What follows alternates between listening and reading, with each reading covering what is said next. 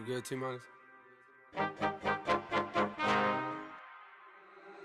Niggas been counting me out. I'm counting my bullets, I'm loading my clips, I'm writing down names, I'm making a list, I'm checking it twice and I'm getting them hit. The real one's been dying. Selamat datang di Overtime Indonesia. dan karena di episode kali ini pembahasannya atau isu yang dibahas itu cukup sensitif. jadi di awal sebelum kita mulai pembahasan ini gua Rana, Riko dan Paul Palele ingin mengucapkan mohon maaf yang sebesar-besarnya jika ada perkataan kita yang salah atau ucapan yang salah atau yang tidak semestinya kita kita ucapkan keluar dari omongan kita. Jadi kita minta maaf dan kita menerima saran dan masukan atau pembenaran dari kalian jika memang ada yang salah dari kita berempat. Dan di episode ini ngebahas tentang rasisme, isu rasisme yang lagi besar banget di Amerika sana dan kebetulan pas rekaman ini hari Selasa.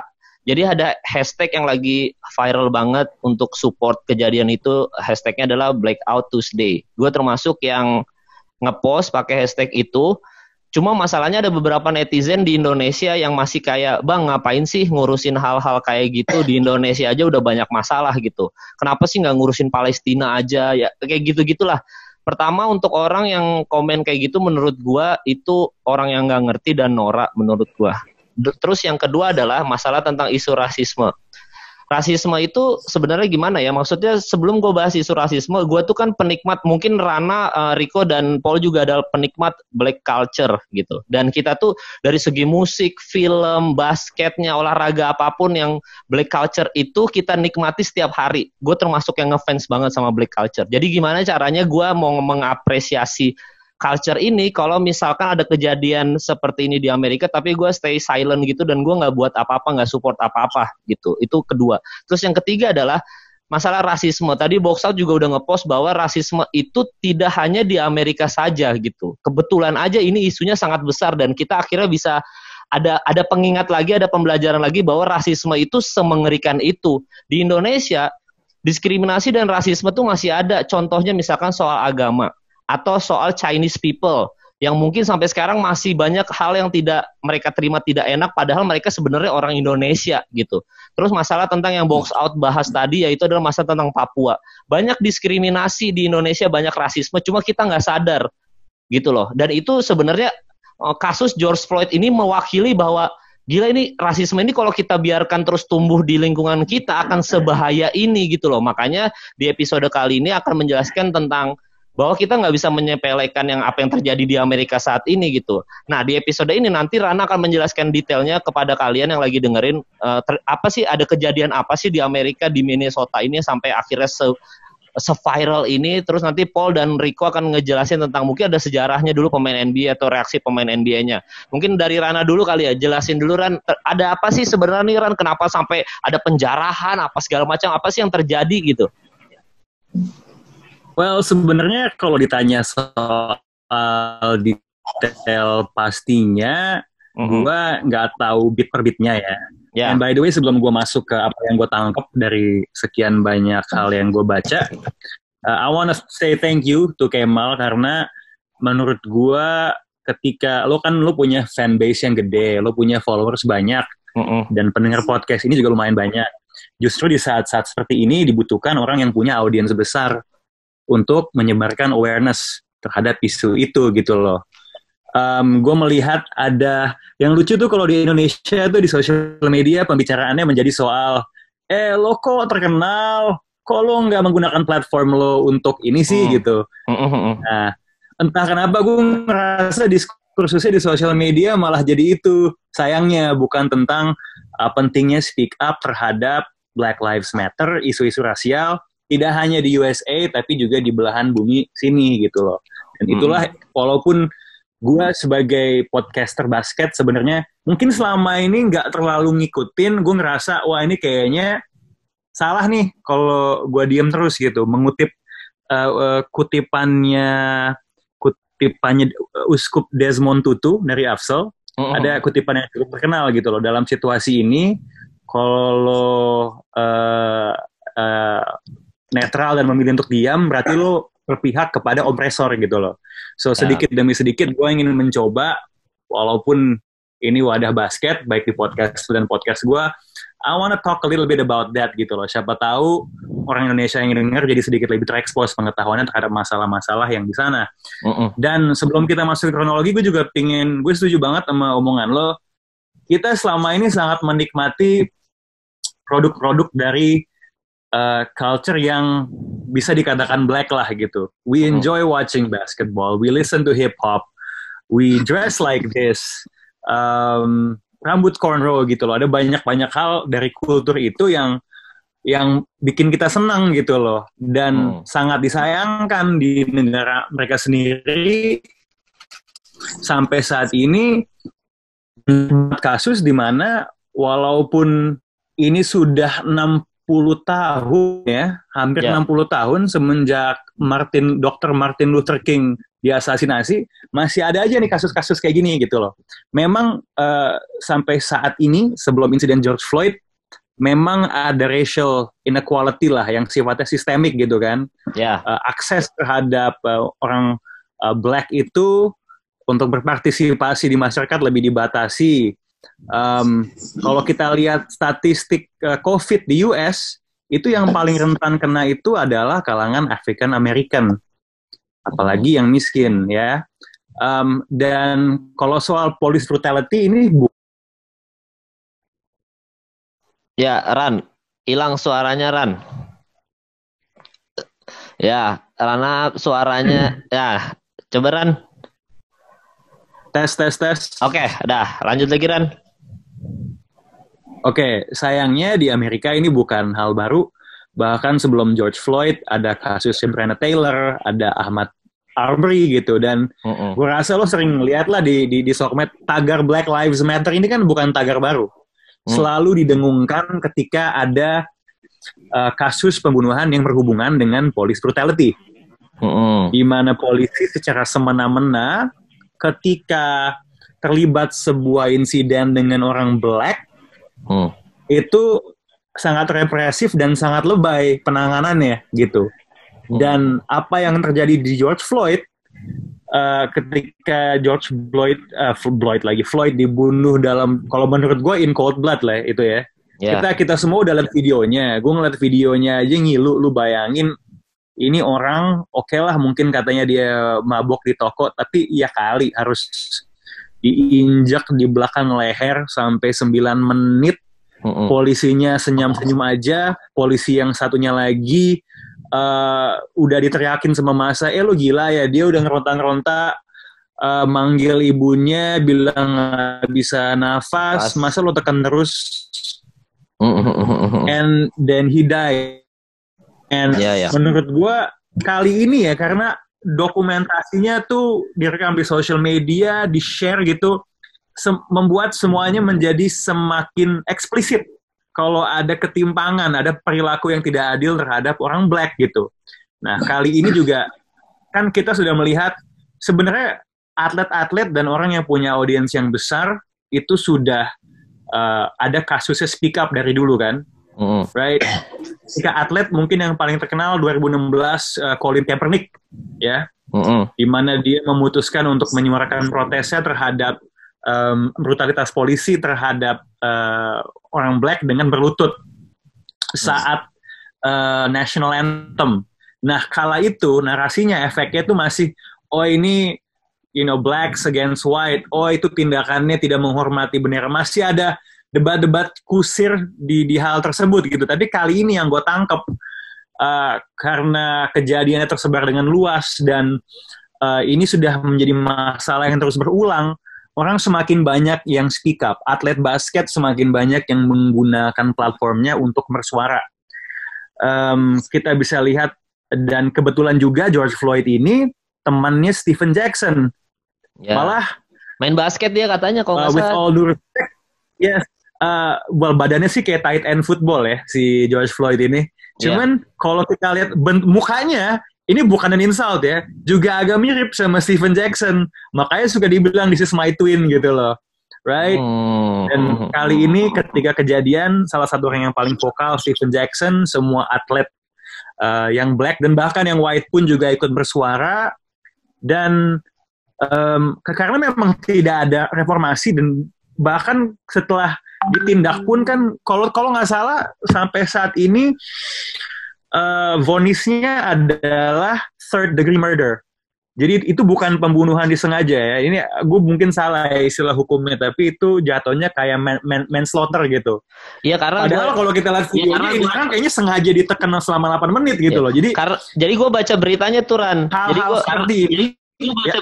Nah, gue tuh baca kalau nggak salah tuh sebenarnya emang dari kepolisian itu ada teknik menginjak seperti itu. Ada ada ada pembelajaran dari uh, kepolisian gitu. Cuman kayaknya yang polisi ini tekniknya salah. Gue ada sempat berita baca berita kayak gitu. Jadi makanya dia tetap calm, tetap tenang gitu karena dia merasa bahwa ini sesuai dengan ajaran yang benar gitu loh. Ternyata yang dia tekan itu adalah pernapasan. Ya, sesuai dengan prosedur. Makanya ternyata dia kaget bahwa dia syok bahwa oh ternyata yang gue injak lehernya ini uh, tempat pernapasannya salah ternyata gitu loh. Ada ada prosedur kayak gitu ternyata Ran. Gue sempat baca tuh. Kayak gitu. Ya, tapi tapi terlepas dari itu, menurut gue ketika yang di bawah udah ngomong I can breathe, udah manggil-manggil ibunya sih, harusnya menurut ya. gue itu seharusnya cukup warning bagi dia untuk tidak melakukan itu ya. Ah, sorry, sorry. Kalau kalau kalau gue boleh nambah juga isunya kan ini kenapa harus sampai uh, hampir 10 menit gitu ditahannya. Lo uh, uh, apa step step selanjutnya tuh lo mau ngapain kalau lo emang mau uh, dia mau di under arrest ya udah lo harus uh, tahap berikutnya dong ditaruh handcuff dimasukin ke mobil atau apa gitu tapi ditahan segitu lama plus di situ jelas sudah ada orang teriak bahwa mau nunjukin uh, kredensialnya bahwa gue tuh orang uh, first responder gue ngerti uh, apa yang lo lakukan ini bisa mematikan orang ini yeah. jadi ya kan? Maksudnya udah ada banyak tanda-tanda tapi tidak ada oke okay deh reaksinya mungkin sebagai polisi dia merasa um, oke okay, gue merasa ini ini manusia ini lagi ada ada ancaman ancaman terhadap kita. Jadi gue harus menahan dia. Ini kan restraining move yang kata Kemal gitu. Tapi restraining move-nya tidak ada step selanjutnya setelah itu. Dia tahan aja di situ terus kita semua lihat videonya gitu. Kayak uh, uh, next move-nya tuh apa yeah. ini sebenarnya gitu? Ah maksudnya tuh apa? Purpose-nya tuh apa? Itu yang jadi tanda tanya yang paling besar uh, saat kita melihat videonya kan Iya dan apa uh, sebenarnya ini kan kasus penipuan uh, US, apa uh, 20 US dollars apa ya? Penipuan 300 ribu lah nominalnya kalau dirupiahin. Apa sih maksudnya penipuan apa sih? Dia nih ke toko nipu gitu ya? Si George Floyd ini. Katanya sih ya, forgery ya, cuma go ahead, go ahead. Iya, ya, nah, intinya sih mau mau dia mau dia uh, suspek untuk uh, uh. nyuri satu dolar ataupun uh, perampok bank atau apa pun seharusnya tekniknya sama semua dong. Dan hmm. kita lihat dia bukan kriminal pertama yang yang, yang di arrest sama polisi itu mau black mau white tapi kenapa uh, kenapa uh, ini terjadinya seperti itu dan sepertinya kayak ada sebuah dendaman dari uh, polisi uh, si Derek uh, officer dari siapa namanya? Chauvin ya? Ya yeah. intinya kenapa kayak dia kayak terhadap suspek ini tuh treatmentnya beda dibandingkan yang kita biasa lihat.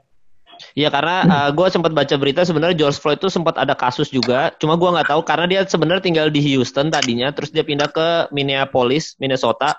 Di situ dia ternyata uh, apa ada kejadian ini di pas di Minnesota tapi sebelumnya memang ada track record juga George Floyd ini pernah masuk penjara katanya seperti itu jadi kita juga nggak kita juga nggak tahu ya mungkin yang dengerin uh, lebih paham uh, cuma sebenarnya well, apa ran lu eh, nambahin apa ran Oke, nah ini gue kebetulan lagi sambil baca kronologisnya kali ya. Ya. Untuk mungkin sedikit mengelaborasi apa yang Paul bilang tadi. Um, pada saat ini kan pada jam 8 malam kalau dilihat dari footage. Uh, uh, jam itu malam. si Chauvin udah ke belakang lehernya Floyd ke lutut, ya kan? Uh, uh. Nah, itu di situ Floyd itu sudah susah nafas dan ngomong I can breathe. Nah, di situ sebenarnya officer polisi yang lain udah ada yang uh, ini manggil tenaga medis karena mulutnya sudah berdarah. Tapi setelah itu pun lehernya masih ditekan untuk tujuh menit gitu loh. Hmm. Parahnya itu di situ gitu loh. Ini orang udah butuh pertolongan medis, masa tambah lo tekan gitu loh. Ibaratnya kalau lo lihat cedera kan iya. butuh tenaga medis langsung dipanggilin P3K gitu kan. Lo bayangin kalau P3K-nya ah, neken dia di bawah terus men. Itu tuh gila sih. Ya, ya, ya. Terus kok Riko, Riko mau ada nambahin nggak kok sebelum kita lanjut ke ada detail-detail yang lu uh, tahu nggak uh, bocor-bocoran gitu? Gue lebih lebih mau ngebahas uh, history sport Amerika terhadap rasis aja sih, Mal. Kalau buat detail kronologis kan udah di share tadi sama mereka berdua kan. Kalau kalau kalau kalau gue gue gini deh gue kasih sedikit uh, personal experience aja ya. Yeah. Uh, uh, pertama, pertama gue pindah ke Kanada itu di tahun 84 baru mau masuk ke Januari tahun 85 uh, di mana um, belum belum ada hal-hal uh, sosial media seperti sekarang. Gue tinggalnya kita juga nggak ngerti ya kita pindah ke Kanada juga bukan yang udah ngerti daerah mana tuh daerah seperti apa. Jadi orang tua gue kebetulan beli rumah yang dapat rumah gede, hmm. tapi harganya murah banget gitu. Dan kita juga nggak ngerti kenapa saat itu orang tua nggak ngerti kenapa. Wah, selasa beruntung aja ternyata itu rumah itu di uh, di neighborhood yang agak miskin gitu. Ada project buildings, ada hmm. ada banyak inilah uh, kasus narkoba. Kita nggak ngerti juga. Gue juga dimasukin sekolahnya ternyata sekolah yang lumayan uh, kriminalitasnya lumayan tinggi. Jadi gue uh, awal pindah ke Kanada experience gue itu um, um, mulai punya teman dan, dan gede di neighborhood yang predominantly uh, orang hitam gitu black as a black neighborhood gitu. And uh, kebanyakan teman-teman gue tuh um, emang predominantly black. And itu mungkin kenapa salah satu alasannya gue jadi akhirnya uh, uh, tenggelam dalam uh, black culture kerjaan gue pun di situ. Gue jadi hip hop DJ gue gue jadi suka basket. Mungkin itu ada semua ada hubungannya. Seperti Kemal bilang kita semua ada influence dari black culture. Tapi personal experience gue ini di tahun uh, sekitar tahun 90-an ya, awal 90-an, yeah. 90 sampai 94 lah gitu agak SMA eh, akut gue. Kita tuh bisa kayak jalan kaki pulang dan misalnya kayak lagi ada ada corner store gitu 7-Eleven uh, convenience store yang baru kena rampok gitu. Uh, gue lagi pulang sama teman-teman gue ya, mungkin teman-teman gue banyak kan emang kulit hitam gitu dan um, kita ditahan polisi Nah, ini beneran terjadi sama kita gitu. Dari mana um, mereka ini kalau sekarang gue ngerti ini uh, namanya racial profiling ya.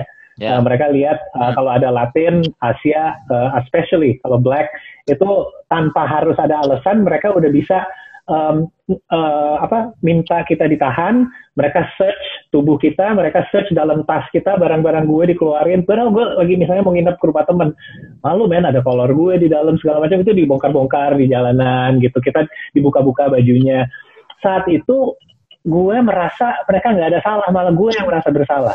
Itu itu uh, terutama kita buat kasih gambaran aja ya seberapa sulit menjadi uh, a black person uh, di Amerika terutama. Uh, karena hadepin hal-hal kayak gini buat gue aja sebagai orang Asia itu cuma dapet uh, apa cuplikan doang lah itu dibandingkan apa yang mereka harus ngerasain sehari-hari. Dan ini hidup mereka sehari-hari. Jadi gue lihat dari cara teman-teman gue di profiling gitu-gitu tuh kayak lo tuh kayak hidup lo bangun dari pagi lo keluar dari rumah itu udah rasa bersalah.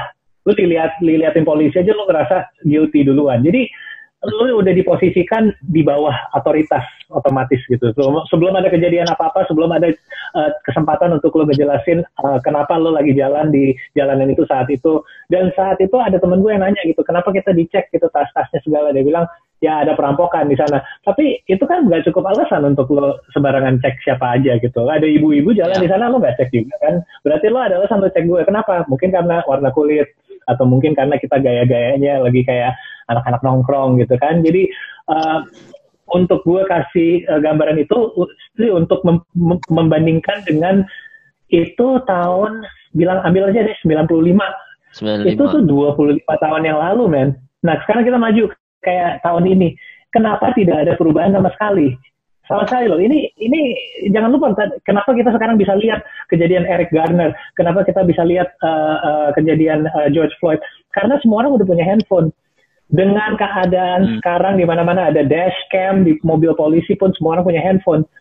Behaviornya polisi terhadap uh, orang-orang rakyat belum ada perubahan sama sekali di mata gue sih. Kayak kayak kenapa uh, alasannya itu kenapa? Ini yang gue nanya. Kalau kita ngomongin kasus, kita ngomongin uh, fakta, kita ngomongin timeline, kronologi itu semua kita bisa baca lah ya yang gue yeah. pengen tahu sebenarnya al alasannya tuh kenapa gitu apakah ada ada uh, jealousy iri dari uh, dari beberapa otoritas bahwa mungkin sekarang uh, black culture sudah membal uh, apa kayak kebalikan banget deh.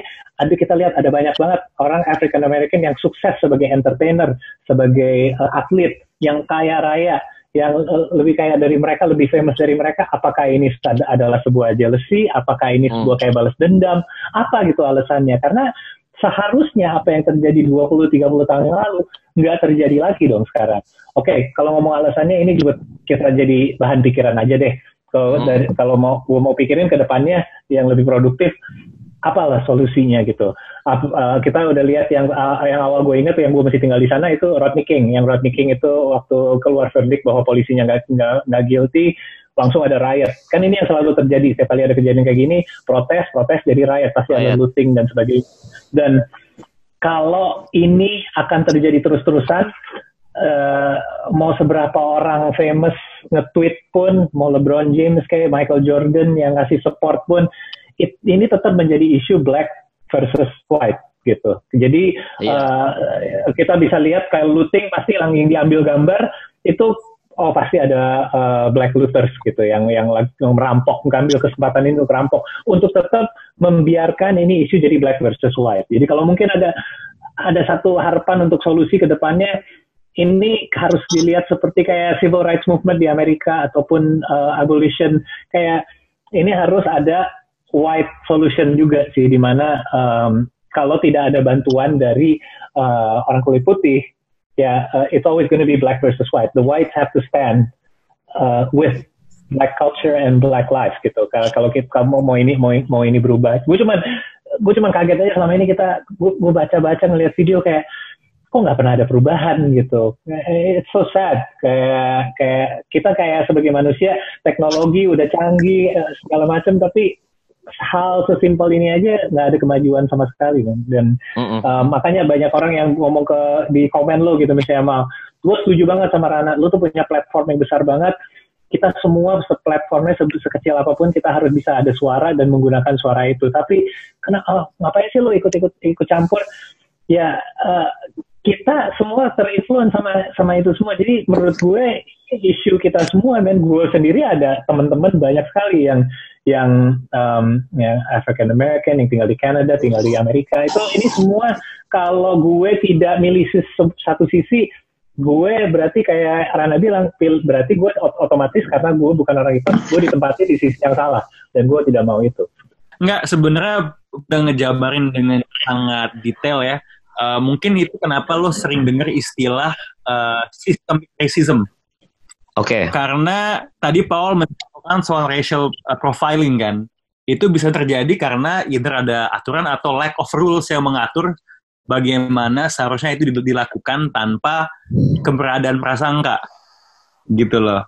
Nah, sebenarnya benar tuh mau sekencang apa suara orang dengan platform terbesar itu tidak akan pernah bisa ada solusinya sampai ada real change dalam hal policy, dalam kebijakan dan implementasi yang bisa dibuat sama lawmaker sehingga polisi tidak bisa melakukan itu lagi gitu loh. Nah, that's why kayaknya dari sekian banyak respon terhadap uh, demonstrasi di Amerika, gue sangat suka pidatonya Killer Mike. Oke, okay, apa itu? Uh, itu Atlanta di mana dia dengan sangat eloquent ngingetin kalau lu mau sesuatu terjadi, I know ini susah tapi sebisa mungkin ketika ada election you go to the polls dan sebisa mungkin lo menangin lawmaker yang bisa beneran ngasih change gitu karena memang di, di kalau di US di tempat pembuat kebijakannya yaitu mayoritas masih kulit putih dan um, sekarang seperti yang kita tahu di Amerika presidennya gini deh, ketika di Obama jadi presiden aja masalah ini masih ada. Iya. Yeah. Apalagi sekarang gitu presiden seperti Donald Trump gitu. So, ini sesuatu yang sistemik udah ada dari dulu. Sama paling gue mau nambahin dalam konteks Indonesia, sangat menarik Paul bilang soal mereka ketika keluar tuh kayak udah salah gitu kan, diliatin dan lain sebagainya. Itulah kenapa gue tidak pernah dan sebisa mungkin tidak tersinggung saat ada orang yang bilang gue privileged. Ah, oke oke oke. Adalah ketika lo bisa keluar rumah tanpa mengkhawatirkan itu semua, gitu loh. Menurut gue ketika lo dipanggil privilege itu bukan penghinaan buat lo, tapi itu ingatan aja biar lo inget bahwa ada orang-orang yang black kayak yang Paul bilang tadi di belahan bumi sana. Iya iya. Lo tau, lo tau kan maksudnya gue kita uh, gue uh, udah punya anak nih dan gue gue lihat uh, gimana cara black families membesarkan anaknya dibandingkan gue harus besarin anak gue dan ada obrolan-obrolan yang gue kaget pas gue denger tapi bener juga. Kayak mereka harus ngejelasin ke anak anak kecil loh gue nggak bayang harus bisa ngejelasin ke anak gue kayak gini. Tapi lo saat ada polisi lo tangan lo jangan dimasukin kantong jangan masukin saku yeah. tangan lo ditaruh aja di paha jangan lo jangan gerak-gerak lo pokoknya jawab dengan bener.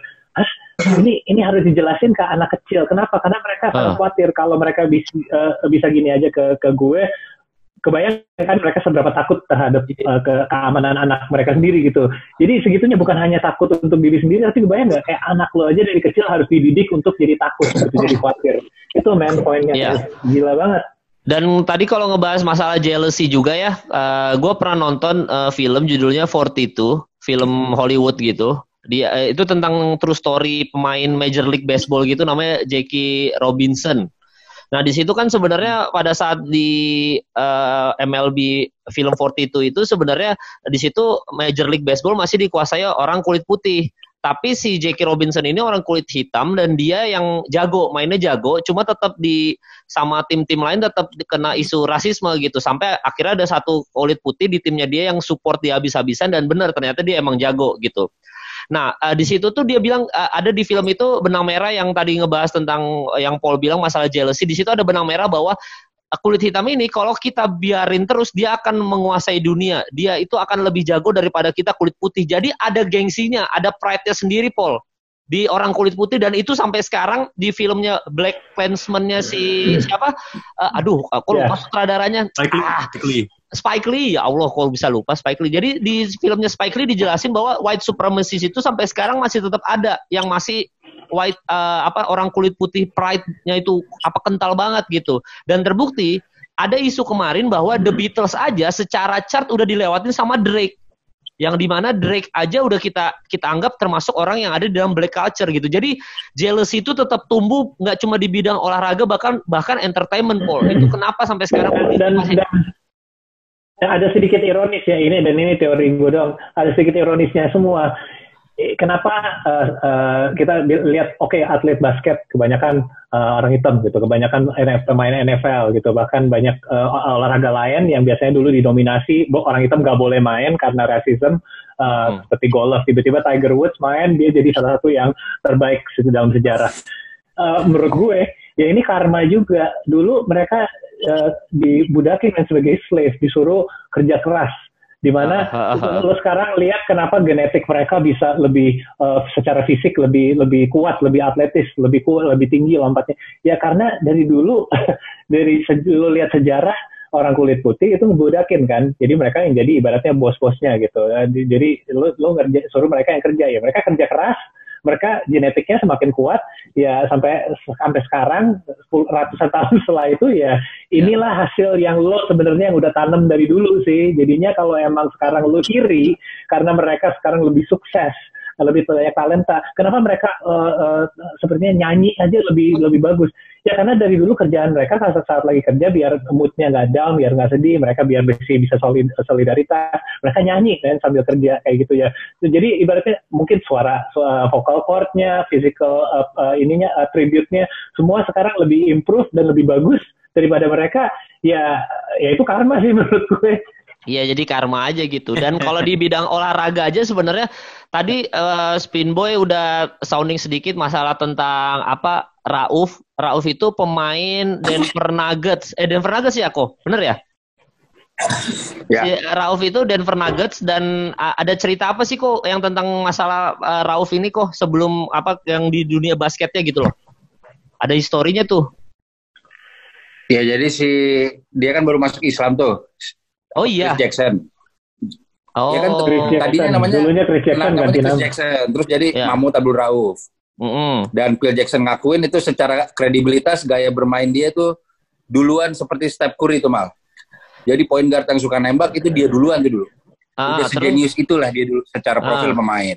Terus terus. Terus dia dia menjadi aktivis juga. Dia menjadi aktivis uh, hak asasi manusia juga dan uh, Islam di sana. Jadi dia ngel ngelakuin gerakan di saat lagu Star Spangled Banner dia sambil berdoa, Bang. Begini. Uh, terus? Itu sebagai bentuk protes bahwa dia bilang ini bendera Amerika ini adalah negara ini berdiri karena bentuk penindasan. Hmm. Tahun 96, 20 tahun sebelum Colin Kaepernick dia udah duluan. Hmm. Mm terus isu itu sudah terasa. Dan itu di, itu di, viral di, kok. Maksudnya isu itu sempat viral? Wah, zaman itu belum ada viral masalahnya. Oh iya, itu dia. Diomongin. Diomongin berarti ya juga. Ah, terus, terus baca kok. di koran bola lah dan lain-lain lah gitu. tapi kok, tapi kok benar itu pertanya pertanyaannya benar dari dari dari dari Kemal. Apakah itu terjadi menjadi viral? Menurut gua enggak sama sekali. Coba sekarang lo uh, tanya ke orang-orang yang tahu pernah tahu Chris Jackson, Mahmud Abdul Rauf, yang pernah uh. dengar Craig Hodges.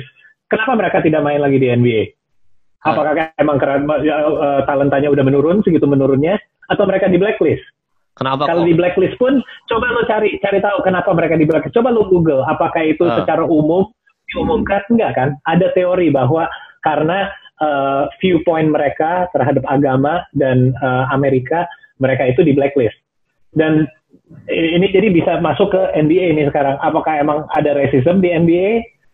Kalau enggak, kenapa? Uh, Craig Hodges, kita lihat dia pakai main di three point contest terakhir pakai jersey generik gitu ya, nggak pakai nggak pakai jersey tim kan kalau nggak salah. Kenapa dia dikeluarin uh, dari dari dari nggak uh, bisa nggak bisa masuk lagi ke NBA gitu? Ya, kenapa? Kok? Terutama Mahmud Mahmud Abdul Abdul Rauf deh. Kalau menurut gue nah. saat dia berhenti main di NBA dia masih jago men. Oh, iya masih jago ya. Iya, gue sih nggak ngikutin sih kalau yang Rauf ini sih.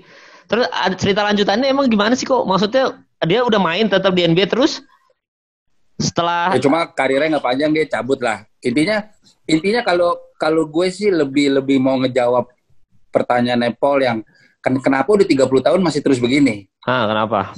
Gitu. Sekarang gue jauh-jauh. Ya gue gue lihat itu si Mike Dolan owner Knicks hmm. dengan kontroversinya berkali-kali dia bilang satu organisasi nggak boleh ada yang ikutan demo atau komen mengenai ini. Aneh nggak tuh hmm, hmm. Oh, terus apalagi oh, selain oh, jadi, itu kalau kalau menurut gue memang sayangnya nih kita dari tadi bilang black black black kalau gue mendefinisikannya minoritas lah seperti hmm. warga Cina di e Indonesia hmm. ya dong ini hmm. si black ini ini minoritas nih mal di Amerika hmm. Hmm. menurut gue kebetulan gue su uh, suka ngulik politik juga hmm. hmm, hmm, hmm. ini uh, sayangnya bener kata Paul mau Jordan mau LeBron sayangnya mau Tiger Woods mau Floyd Mayweather saat ini gak bisa ngapa-ngapain men Amerika ini di saat masa covid seperti ini di masa rasialisme seperti ini ini diuji secara pemerintahan lu bisa ngejagain gak nih Oke. Okay. Negara lu yang notabene lagi hancur di berbagai macam sektor. Okay. Kalau menurut gue uh, ini bisa berujung sama sama gue tadi lihat the score akun Instagram The Score uh, bisa berujung sama uh, pemogokan pemain mah NBA. Oke, oke, oke, oke. Karena kan Juli harusnya itu mau jalan kan? Ya. Gitu. Cuma melihat keadaan seperti ini itu mau ada pemogokan pemain karena banyak owner-owner NBA juga yang berada di dua kaki. Jadi ini bener-bener mo momennya kayak itu kayak New York Knicks dia nggak dia bahkan akan nge-scores pemainnya yang ngepost sesuatu tentang ini. Terus lu, uh, lu boleh cek ya. deh. Terus lu ngelihat tindakan seperti itu kok maksudnya apa yang lu sayangkan atau apa yang lu kecewakan gitu? Bisa disampaikan nggak tuh ke netizen tuh? Gue gue gue gue lebih gue lebih tertarik ngerelatin sama yang terjadi di Indonesia sih mal sebenarnya. Ya. ya. Uh, kalau gue boleh bercerita ya, uh, keluarga gue nih uh, sangat sangat menjunjung tinggi pluralisme. Berarti uh, keberagaman. Jujur, iya. Hmm. Keluarga gue jujur ada yang nikah non muslim dan muslim baik-baik saja sampai sekarang. Hmm. Nyokap gue sudah 30 tahun be bekerja dengan orang Cina. Hmm. Jadi itu gue sangat menjunjung tinggi gitu tuh malah. Tapi mungkin teman-teman udah tahu di sini olahraga nomor satu di Indonesia kan bulu tangkis. Hmm. hmm, hmm. Lu harus tahu kalau udah nonton filmnya Susi Susanti ya, Laura Basuki tuh Iya. Itu etnis Cina itu sangat berjuang mal untuk dapat akte dan lain-lain di zaman itu untuk ya. ikut Olimpiade. Ya. Bahkan of the record, uh, bukan of the record, bahkan pelatihnya Lindan peringkat nomor satu bulu tangkis di dunia selama 14 tahun itu orang Indonesia. Tapi tidak diperbolehkan melatih di sini karena ber, berdarah Tionghoa. Singkat cerita, gue membandingkan dengan Amerika, kalau seperti ini, industri Amerika bisa ambruk. Olahraga Amerika itu bisa ambruk terbukti bulu tangkis di Indonesia 20 tahun terakhir tidak bisa bersaing di kancah internasional. Hmm. Kalau menurut gue, pemain NBA udah punya banyak duit, pemain softball udah punya banyak duit, mereka mogok-mogok terus. Hmm. kalau menurut gue, kalau menurut gue, kalau nggak bisa dirapihin nih, apalagi November kan Donald Trump akan vote lagi nih mal. Ya. Itu kalau menuju ke situ nggak bisa beres, men menurut gue sooner or later industri Amerika akan menukik tajam karena kita sudah mengalami, Indonesia sudah mengalami nih Mal. Yang harusnya kita bisa menjadi raja bulu tangkis, kita punya fakta sejarah seperti itu. Iya, iya, iya. Cuma sedikit dan cuma sedikit negara di dunia yang kayak gitu. Lo kalau lihat bola, pemain Prancis ada Zidane dari Aljazair. Segala macam mereka baik-baik saja gitu loh. Cuma negara-negara negara-negara ada yang maju, ada yang berkembang ini tidak semuanya bisa bisa menerima si minoritas inilah di saat mereka ngelit sebuah industri kalau gue lihat seperti itu. Oke. Okay. Semua, semua juga se semuanya juga ada batas ya. Maksudnya ini kejadian sekali, oke okay, orang bakal protes. Kedua kali, tiga kali. Kalau kejadian terus-terusan nonstop, lama-lama yeah. orang udah ada bat siapa orang ada batasnya. Kita lihat Michael Jordan yang nggak pernah vokal. Kita lihat di Last Dance pun dia menyatakan bahwa gue nggak punya political stand gue nggak mau nggak mau nunjukin political uh, opinion gue sama sekali. Tapi dia aja kemarin nge-tweet sesuatu gitu terhadap frustasi dia di, di dalam situasi ini itu jadi gini deh kayak kalau lama-lama orang udah saking frustasinya nggak mikirin gaji lagi, oke okay deh gaji udah nggak terlalu penting buat gue, gue juga udah kaya. Atlet-atlet yang membuat NBA ini jadi hidup atau NFL mulai ya kayak Rico bilang mungkin nggak mulai dari uh, satu liga stop semuanya karena nggak mau main. Masih ada yang butuh duit. Tapi kalau nama-nama besar mulai kayak protes gitu. Protesnya bukan bukan hanya tidak berdiri pas uh, national anthem tapi gue nggak mau main lah sampai sampai apa gitu. Jadi ada ya. ultimatum sebuah jadi, ultimatum. jadi, dan beberapa nama Iya. Ya, nah ya, itu impact kan, ya, impact ya, impact secara financial ke owner, ke terhadap ekonomi, terhadap semua tim nih. Jadi mungkin uh, uh, uh, ini harus terjadi dulu biar orang benar-benar ambil anggap ini lebih serius daripada kalau cuma orang protes di, di luar di jalanan nggak nggak impact ke ownernya tim NBA gitu atau ke ke ke manajemen gitu itu yeah. harus ada sesuatu yang yang lebih besar yang terjadi untuk mereka bisa akhirnya mau uh, ngambil step yang lebih deh untuk membantu situasi ini. Iya, Rana kenapa Ran? Tambahin di. Iya. Nggak sebenarnya itu sekilas dari perspektif gue sebagai orang luar ngelihat ke Amerika yang ngebedain ini dengan dengan kejadian di 2016 misalnya. Gue melihat ada eskalasi dalam segi respons. Uh. Um, tadi Paul udah bilang soal Michael Jordan, yang gue lihat lebih aktif sekarang tuh pemain NFL, bahkan yang putih, bahkan kayak Patrick Mahomes yang ketika kasus sama George Zimmerman dia diam aja. Um, dan kalau di luar di luar uh, atlet Taylor Swift deh. Ya, Taylor, Taylor Swift, Swift vokal. ngomong itu gede banget loh uh, masa dia gue lihat like sejutaan men kayak gue ngelihat semakin bener sih memang ini tuh tadi tuh gue nonton uh, podcastnya Pat McAfee pemain football Colts di mana dia lagi ngewawancara J.R. Smith tuh. J.R. Smith kan juga ada, ada cerita lucu kan dia nggak hadir ya, orang kemarin kan. Iya kulit nah, putih. Tapi nah tapi basically si Pat McAfee di sini tuh dia bilang um, gue ngerasa nih kali ini udah mulai shifting dari dulu itu merasanya black white, ini udah mulai lebih berasa semua orang lawan racist gitu loh.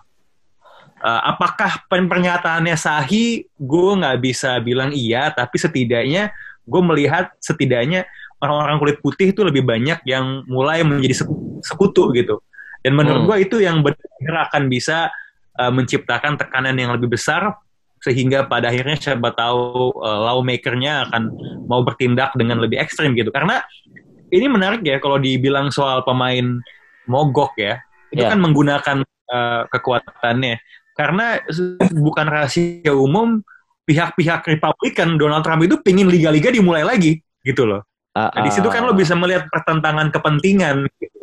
Nah, tekanan itu yang uh, siapa tahu bisa membuat lawmakernya bisa lebih lebih lagi ya, atau lebih tegas lebih dan sigap mereka gitu loh. Iya, ya. Nah, terus uh, sebelum kita udahan mungkin ada sedikit pesannya karena tadi uh, dengar cerita ini kayaknya netizen yang dengerin juga udah cukup. Oh ya, gue udah dapat nih uh, apa namanya ada masalah apa sih di luar sana dan kenapa kita harus terlibat. Jadi buat kalian semua mungkin ada pesan atau ada yang mau disampaikan kenapa kita harus terlibat masalah ini, kenapa kita harus support, kenapa kita harus uh, takut juga dengan masalah ini. Mungkin uh, dari Riko dulu kok ada pesan yang mau disampaikan kok tentang masalah uh, kasus ini kok gitu. Kenapa kita harus peduli sih? Padahal kita tadi netizen bilang kan kita jauh bang di Indonesia ngapain sih bang?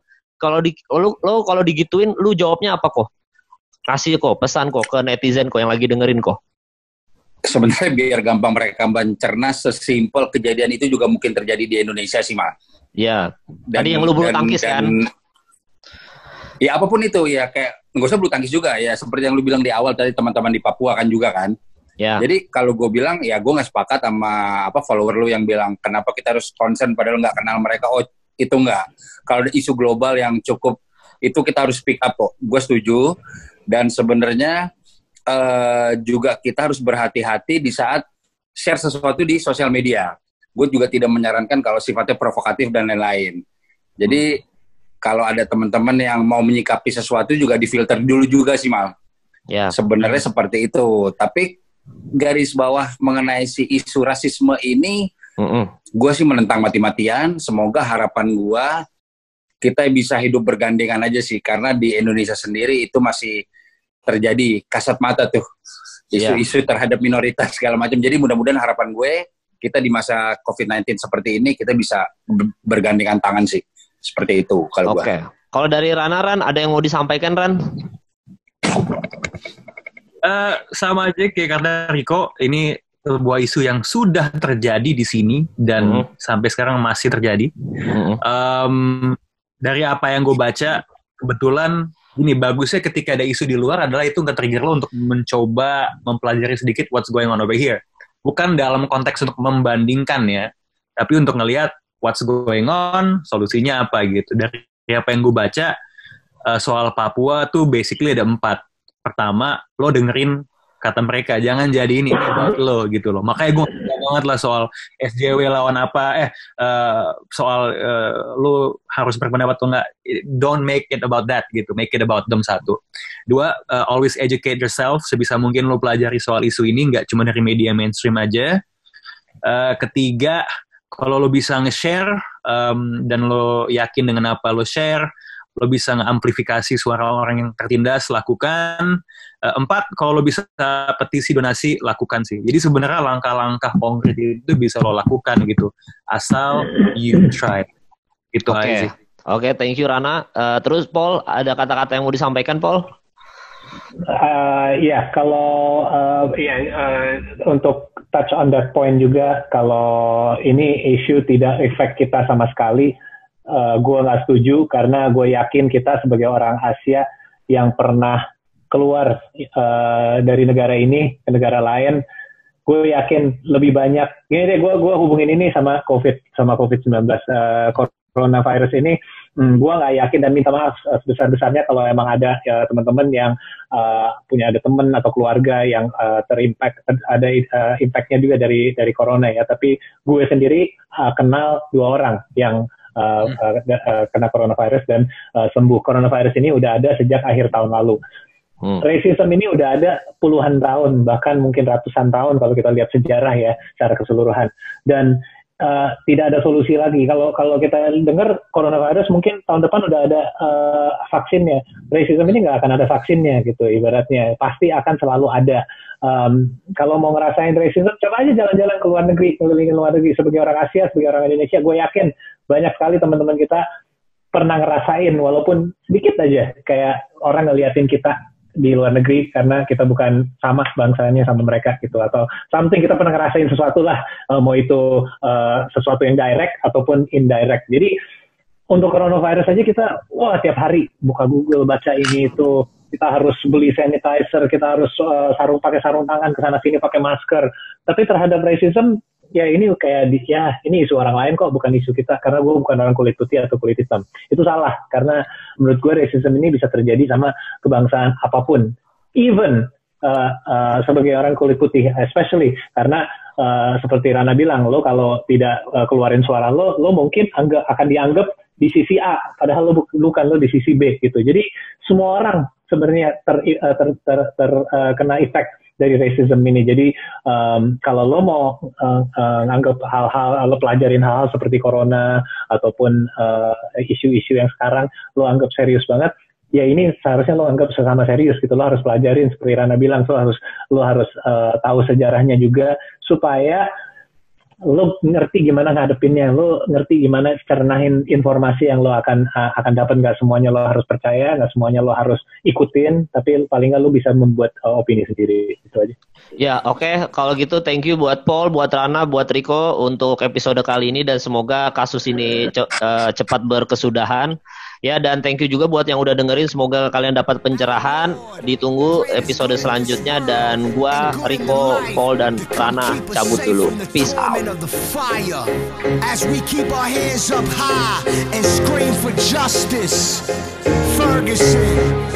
Rest in peace Mike Brown and all the young soldiers out there. God help us. Time to take a stand and save our future. Like we all got shot, we all got shot. Throwing up our hands, don't let them shoot us. Cause we all we got, we all we got. God ain't put us on the earth to get murdered, it's murder. God ain't put us on the earth to get murdered, it's murder. Don't put your weapons at me. Seen the pictures, feel the pain. Scandalous how they murder son. Tired of them killing us. I'm on my way to Ferguson. Talk to Tip, I talk to Diddy.